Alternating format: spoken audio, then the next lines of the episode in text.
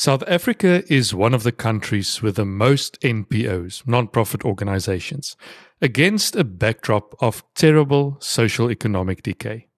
And for a very long time, the only way that non-profit organizations approached raising awareness for their organization and in getting funding was through trying to impress with statistics, milestones that they've reached, and presentations. But is there another way a more effective way to create awareness and to gain valuable support and funding. Today, we're diving into the heart of storytelling and its transformative impact on the world of nonprofits and even churches, specifically in South Africa. Joining me is a two time Emmy nominated filmmaker, writer, and storyteller, Rain Bennett, all the way from North Carolina. And we'll unravel the power of stories and learn practical strategies for NPOs and churches to shine in a crowded narrative space. I really hope you enjoy this insightful episode with me.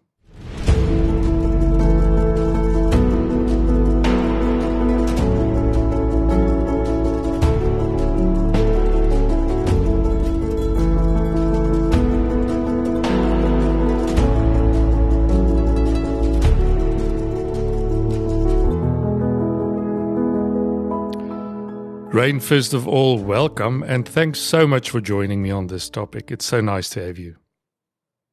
Absolutely. It's a pleasure to be here. I think before we dive in, uh, would you mind telling us a bit more about yourself?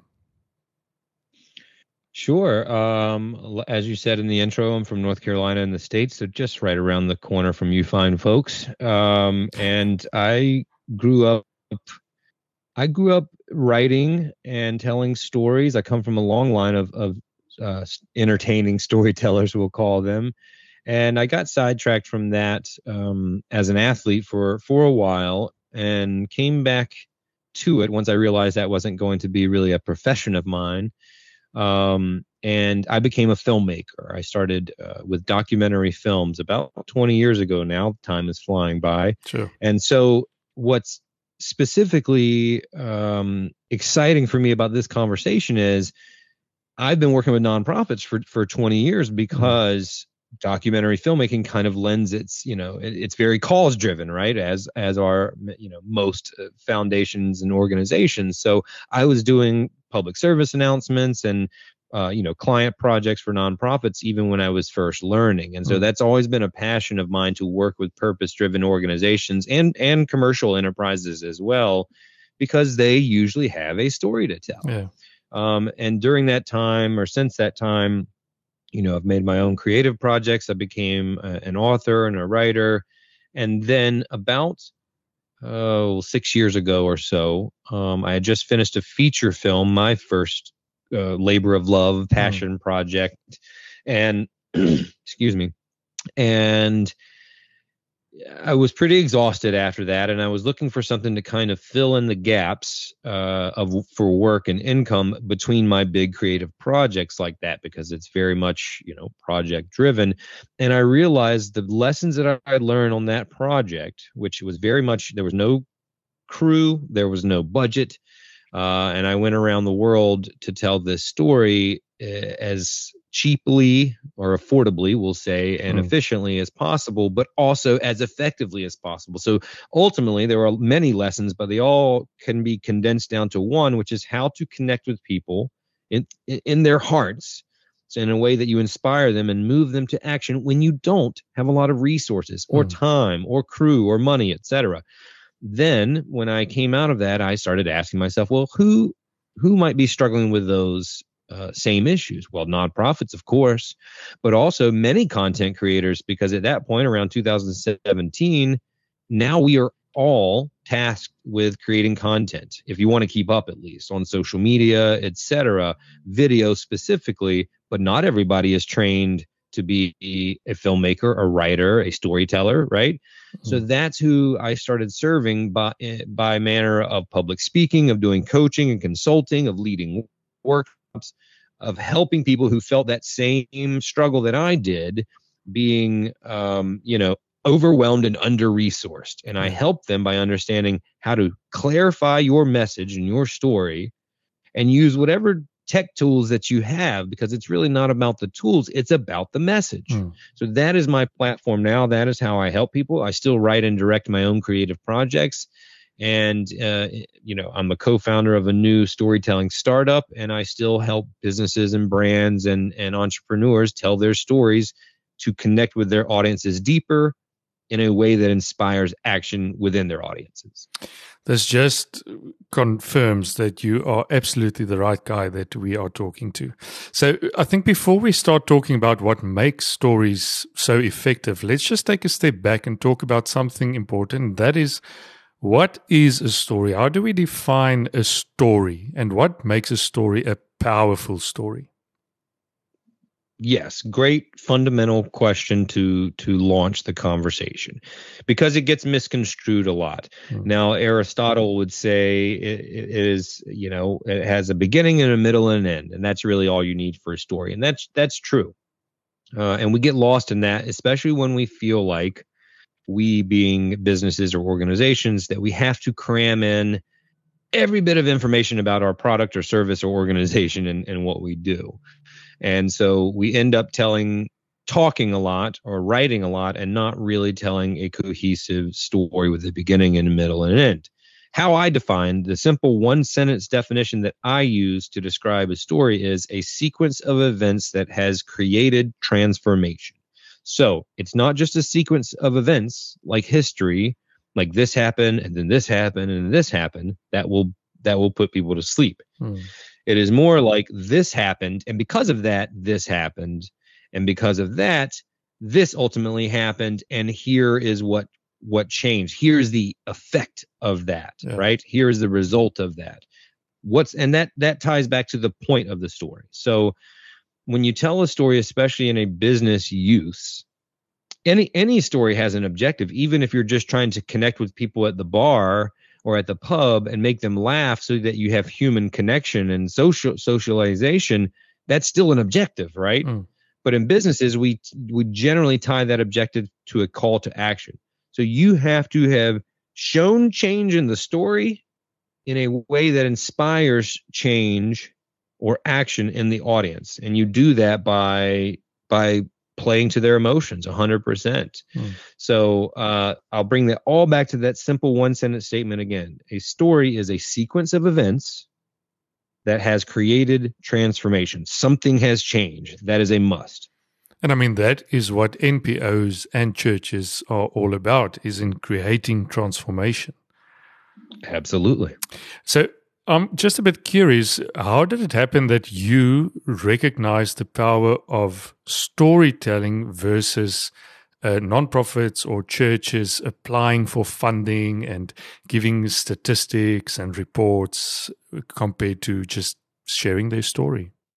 Um, well, I studied it. Um, I, I feel like I inherently knew because I, as I said, like I am a storyteller for my profession. Mm. I've been a filmmaker for 20 years and I've been a writer for uh, less than that, but still for several years. And so um, I've always, and I've been a big, you know, huge movie uh, buff my whole life. My whole family has. And so I've understood at least inherently the power of stories, but I couldn't really put uh, I couldn't really describe it until I saw that space where I could actually benefit people after I finished my first feature film. And then I started studying storytelling. I started learning about the neuroscience behind it. I said earlier about moving people emotionally. That's not just some vague expression about, like, yeah, move them emotionally. I get it, but how? No, it's a real thing that happens in their brain. When you tell a story in the right manner with the right devices, it triggers certain neurochemicals in your audience's brains. It it grabs their attention. So you have to establish that connection first. We all know that people make decisions emotionally, even if they're very logical and rational and they're weighing out all the objective um, data. What makes them connected and listen is a story, which is why uh, I'm sure you all can identify with this in SA, but in, in the U.S., like you know, many politicians, if they're running for election, they're they start off with like, "I met a lady named Kathy in Iowa," right? Mm, yeah. You tell us you you tell a simple story because that's what connects people's brains and gets them paying attention because we care about people because we know someone who reminds us of this lady Kathy. Mm. But you're telling that story with the intention of illustrating a larger universal theme. Yes. That's the point of the story, right? Absolutely. But you you you lock someone's attention by telling them the story or if you're in an interview or you're pitching your project always starting with a project uh, with a story rather is important because you grab their attention if you don't have their attention you're not going to get it by sending them bullet points and mm. product features and data and stats they're already looking for the door so you the story aspect is really about grabbing their brain's attention again not just the vague term their attention locking in their brain so they are connected with you. Once the connection is established, then you can collaborate with each other and then you can, you know, inspire action and then you can give them the information that they need. Hmm. Here's the crux of the issue. Many people, maybe many of your NPOs and churches think that there is the information and then there's the emotional like storytelling and that they are two different things and they're mutually exclusive the yeah. intellectual and the emotional they are not they are two sides of the same coin. They fit together like the yin yang symbol, right? Mm. They are two sides of the same coin. Stories, narrative, is the way we as humans deliver the information that we must get across.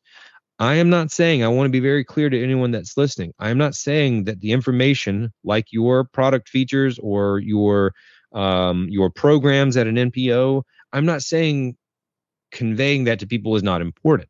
I'm saying the way that you do that is by tying it into a narrative because that is the way that humans communicate. And it's always been the way humans communicate since the beginning of language. Absolutely, hmm. without question.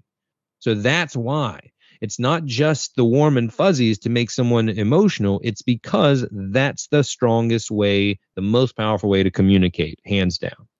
I think everybody needs to rewind like five minutes and just listen to what you've just said again and again and again. Because I mean, actually, like you said, this is the crux of what it is about. So, I mean, obviously, the situation in South Africa is not necessarily unique. I, I think it's also true for other countries. But the reality mm-hmm. is that the cake is only so big for NPOs and mm-hmm. they compete with each other for their piece of the cake. So, and I, I'm, I don't know that this is a, a nasty question to ask, but how would I tell a story about my NPO that will stand out in a, in a saturated landscape of other narratives? This is um, a very common issue, and it's an important one and a great question that you, that you've asked because many times we get in this scarcity mindset like you say there's the pie is only so big and we all need a piece of it. That's true.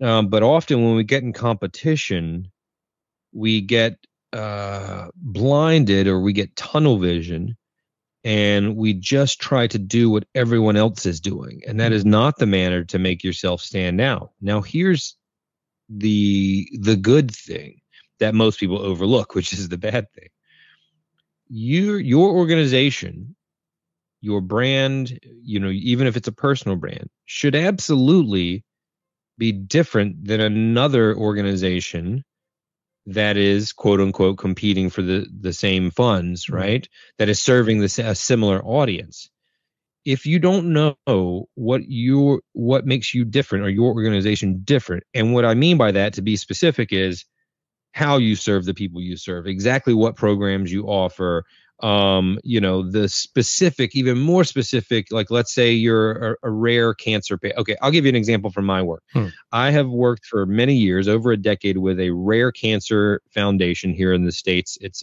the cancer is neuroendocrine cancer, carcinoid cancer. Um, and it's a and it's a very rare cancer. And there are many organizations that um you know work to help that uh, community. We i have helped this organization uh, uh, organization understand exactly how they do it. Their goal is to spread education and awareness. It's not um the technical knowledge, the medical knowledge. It mm. is hmm. more about community building, mm. right? There may be another organization that is very much focused on the treatment options. Mm. You know what I mean? Um, and so you have to look long and hard at yourself and your organization and understand how are we trying to solve the problem differently than someone else? Hmm. And once you do that, then you understand how, how you can tell your story differently because there should be in marketing, it's called a persona, right? And storytelling, it's called a character.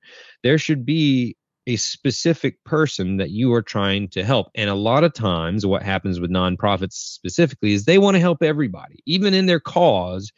They would, they, if if you asked them that, they would be like, "Well, what do you mean? We want to help all cancer patients." Well, that's impossible, Hmm. right? You have to get granular. You have to get small. You have to get specific. Once you do, then you can really empathize with the people you seek to serve. And once you do that, you can tell a story that specifically speaks to them. Or if you're looking for funding, you can tell your story in a in a specific manner so they understand where exactly those funds would go, why exactly they are needed, who is going to benefit, how you are going to accomplish that program, et cetera, et cetera. It's just like pitching uh, I'm in the film and television world. If I'm pitching a television show and it's about the same topic that someone else is, I need to explain why I'm the person to do it because of my unique experience and knowledge and skill set. Why it should be told in this manner because of the potential audience that would like this show versus the other one. It all has to come back to being specific. And this happens all the time, especially when we're competing for funds. We're scared to do that because we think it's going to make us stand out and alienate us. And and um, that worries us. This makes that makes us feel like people will not, you know, support us, or they'll, you know, they'll see us as the outsider, and therefore will be eliminated from the the running. But it's actually the opposite. Standing out is the best way to set yourself apart. So you have to lean into that and you have to be a little bit vulnerable and courageous to do that. And the way to make it a little bit easier so you don't feel so vulnerable doing that is to clearly identify your mission, who you seek to serve, and how and why, and more importantly, why you're the organization to do it. So again, you have to be specific to understand how to tell your story uh, in a stronger manner.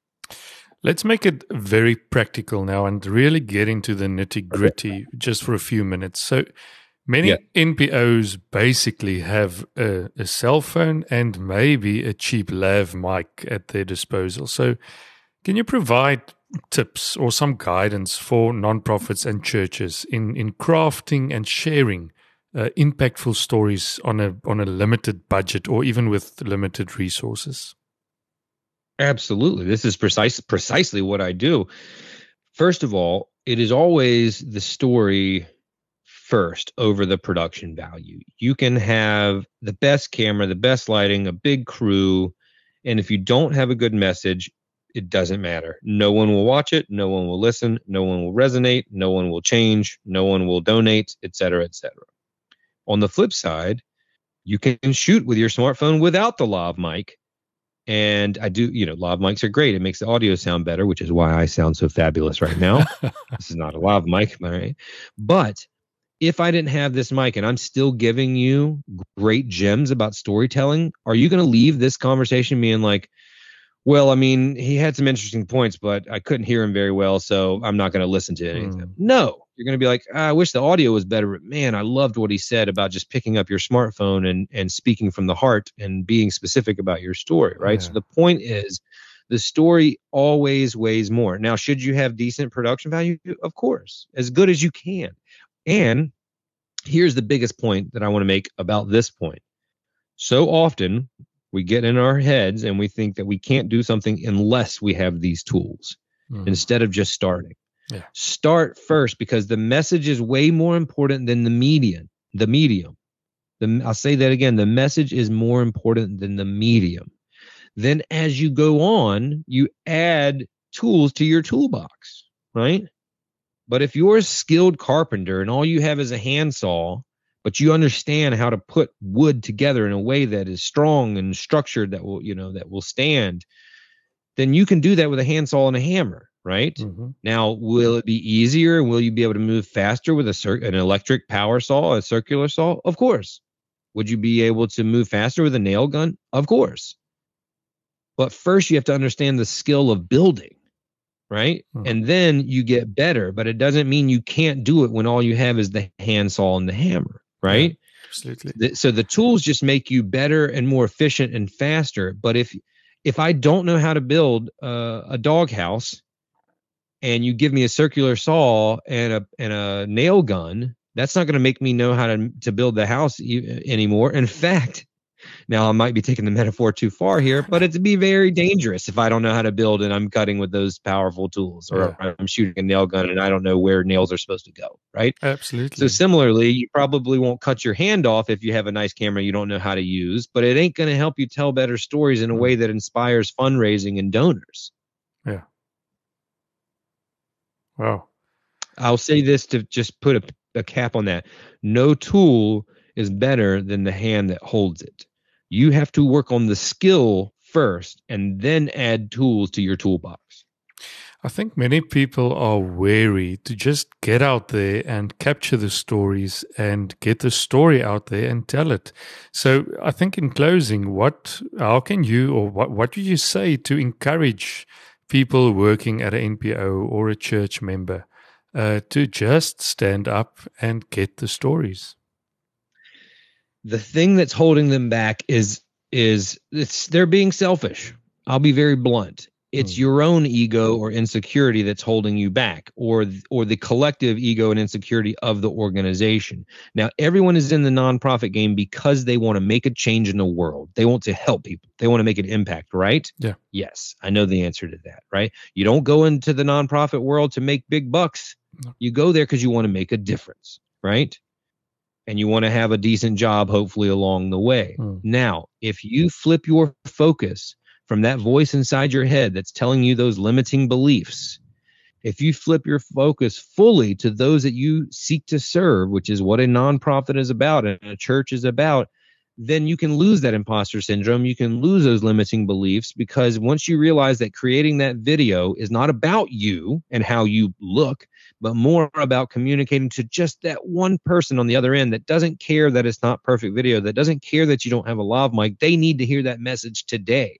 That's who you're speaking to. And once your focus is fully on them and out of your head, they get it becomes way, way, way easier to do that. Hmm. And I would say that if you don't put yourself out there and communicate to those people who need to hear it, you are doing them a disservice. Hmm. If I had a flat tire and I didn't have the tools. I didn't have a jack uh, and uh, you know a lug nut wrench in my uh, in my car, and I'm stranded on the side of the road with this flat tire, and it's you know rush hour traffic, and it's raining, and you drive past me knowing full well that you have those things in your in the back of your car and you wave and be like, "Hey, Rain, good luck," and keep driving past me, well, that would be pretty messed up, wouldn't it? Mm-hmm. when you know full well that you could stop and lend me those tools. Mm. That's the same thing you're doing if you're not putting yourself out there and telling the story that could potentially help somebody else that you're that you're trying to serve with your nonprofit or your church. Mm. That's the same thing. That metaphor might sound silly, but that's what you're doing. If you know that you have something that could help someone and you're worried about yourself because you might not sound right or you haven't done it before um, you know, or you don't have the right tools, you're not worrying about that person you're trying to serve, mm-hmm. right? You have to start first and then you get better. Now, I'm not saying don't study on how to do it, but don't get caught up in thinking that you need this, then you need that, then you need this. All you need is a message and a way to deliver it. And right now in 2024, almost all of us have that in our pockets. It's never been easier to share your story. Mm but people are still reluctant and reticent to do it because they think they need certain things. You don't. You just need to speak from the heart, tell a powerful powerful story with whatever tools that you have. If it's just text in an email newsletter, that's fine. If it's just you know uh, in person when you're at events and fundraising fundraising events, that's fine. If you do have a smartphone and you want to have a social media platform, great, even better. Mm. It's so interesting, and I want to ask you. Uh, uh, this is really my last question, but I noticed something, and I want to test if you also um, noticed it. Is on let's talk about social media. If you and I, I, mean i've done that before. You produce this amazing video. You stabilize all your shots. You you put your audio through some or other speech engine that tidies it up and makes it sound like studio quality audio. And you've got these amazing titles and lower thirds and what what what. And you publish that onto social media and you like reach 50 people. You get five likes and then the next time you don't have time for this whole production, you just take up your phone, you take a shaky video with terrible audio, but there's a story in it. You post that on social media. It's absolutely organic and real and in the moment. And that thing also yes. becomes almost becomes viral. Yeah, absolutely. Because people care about the message and they mm-hmm. care about authenticity and they they want to hear from other people. They don't want things that are super doctored up. Because I think what's happened in the collective uh, subconscious of folks these days is, well, one, we're tired of being scammed, and when we see something sometimes that's overproduced, we know that it's created by a company and there's been hmm. a budget, and that starts to make us subconsciously think that, hmm, it, am I being manipulated here? Hmm. Whereas if you just pick it up and uh, hey i'm a person and i'm speaking from the heart we humans care about other humans right? So it's a little easier for us to listen to what you have to say when you're not using so many devices mm. that we might feel subconsciously you're trying to use to trick us, right? Yeah. It's like, well, you're using all these flashes and animations, and so I know. See, people are hip to it now. They know that that is an attention grabbing thing. Mm. People understand more than. I mean, this isn't the '60s of world of advertising where you just put money behind something and, and put an ad out there, and they see like, oh, well, that's the razor, that's a Gillette razor, so that's what I'm going to buy like with the internet everybody is smart. Everybody is educated. You can't hit them with that that stuff anymore. You have to be from the heart. You have to be authentic right? And you mm-hmm. have to know what what you have to offer them and why they should care.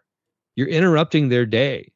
It better be for something that's going to either inspire them or educate them or entertain them. And if you can do all of them then you have something very powerful. And hmm. stories are known to engage people's minds. Absolutely. So if they learn something from them where it's an inspiring story, or if you move them emotionally, that is what's going to be effective. Not not all not all the tools and tricks in the world. Now, if you can add some of those things once you have that that core story, great, because it can be entertaining and it's good to break it up visually so that you keep their attention. But it's none of it's going to work if you don't have the spine of, of the piece, which is the story. Hmm. Tell me, uh, I know you made a, a you said in the beginning that you, we are just around the corner from each other, but I mean, you sipping on your morning coffee, I'm getting ready for bed yeah. almost. Um, so we are quite far removed from each other. But if there's someone in SA that's listening to this podcast now and feels like, hey man, I want to learn more from this guy, Rain Bennett, is there a way mm. for us to learn more? Oh, please, please! This is yes, absolutely. This is what I do. Um, first of all, well, I'll, I'll always say this. I want to give uh, respect to my mom, who named me Rain Bennett. Bennett, mm. she didn't really have much of a say in, but Rain she did. And I say that to say there aren't a lot of us, or maybe any of us out there. If you Google Rain Bennett, uh, you will find find me. I promise. But uh, one thing, I have many free resources for folks. The most um, my presence is most felt in my podcast, the hmm. Storytelling Lab. We have maybe 150 episodes. Um, a lot of great marketers, writers, filmmakers, storytellers on there that I feature. And then also, uh, I I'm on social media, but TikTok is where I have my biggest following. So a lot of free tips there. But I'm on I'm on all the platforms. And then rainbennett.com is my website. If you want something a little bit deeper, I just wrote a book a couple of years ago called Six Second Stories, which is literally about this. How do we, in short form video, tell compelling stories when we don't have a lot of resources? That's literally the the the theme of the book, um, which just released uh, a week ago in audio awesome. version if you like audiobooks. Yes. So um, I would suggest the audiobook because I I read it, so there's a little bit of added value there. I add a few things that are kind of off the cuff uh, as I was reading it. and I'm super entertaining, as you probably well know by now. um, but uh, but yeah, Rain Bennett, I, I'd be happy to answer any questions. I have a lot of free content out there. If you'd like to take it further, we can do that. I still do coaching and consulting as well. Um, and for a lot of businesses, I kind of serve as a what I call a CSO, which is a, uh, a chief storytelling officer, a CSO on the go. So if mm. your organization doesn't have the budget for something like that, um, having someone like me come in maybe once a month and helping make sure that your overall branding message is aligned, so that all the piece of pieces of media uh, and content that you make are aligned with that overall organization narrative, that means your email newsletters, that means your social media content, that means your annual appeal video. That's at least what we have in the States mm. for nonprofits. All of that branding should be tied together and feel the same, have the same tone, uh, and subscribe to the same overall company or organization narrative. And if you don't have that, then all of these little pieces aren't cohesive and tied together, and that's an issue. And that's what I help organizations do. Okay, wonderful. So we've linked to all your socials and your website in the description of this uh, episode. Lovely. Rain, man, thanks so much for your time and your My valuable pleasure. input. It was such an honor having you on the show today. So, as we wrap up this uh, insightful conversation with Rain, uh, remember that storytelling is not a luxury, it's a powerful tool that can drive change even when resources are scarce. We hope that the tips that uh, Rain shared in today's episode inspire nonprofits and churches to amplify their impact through the art of storytelling. Until next time, take care of yourself.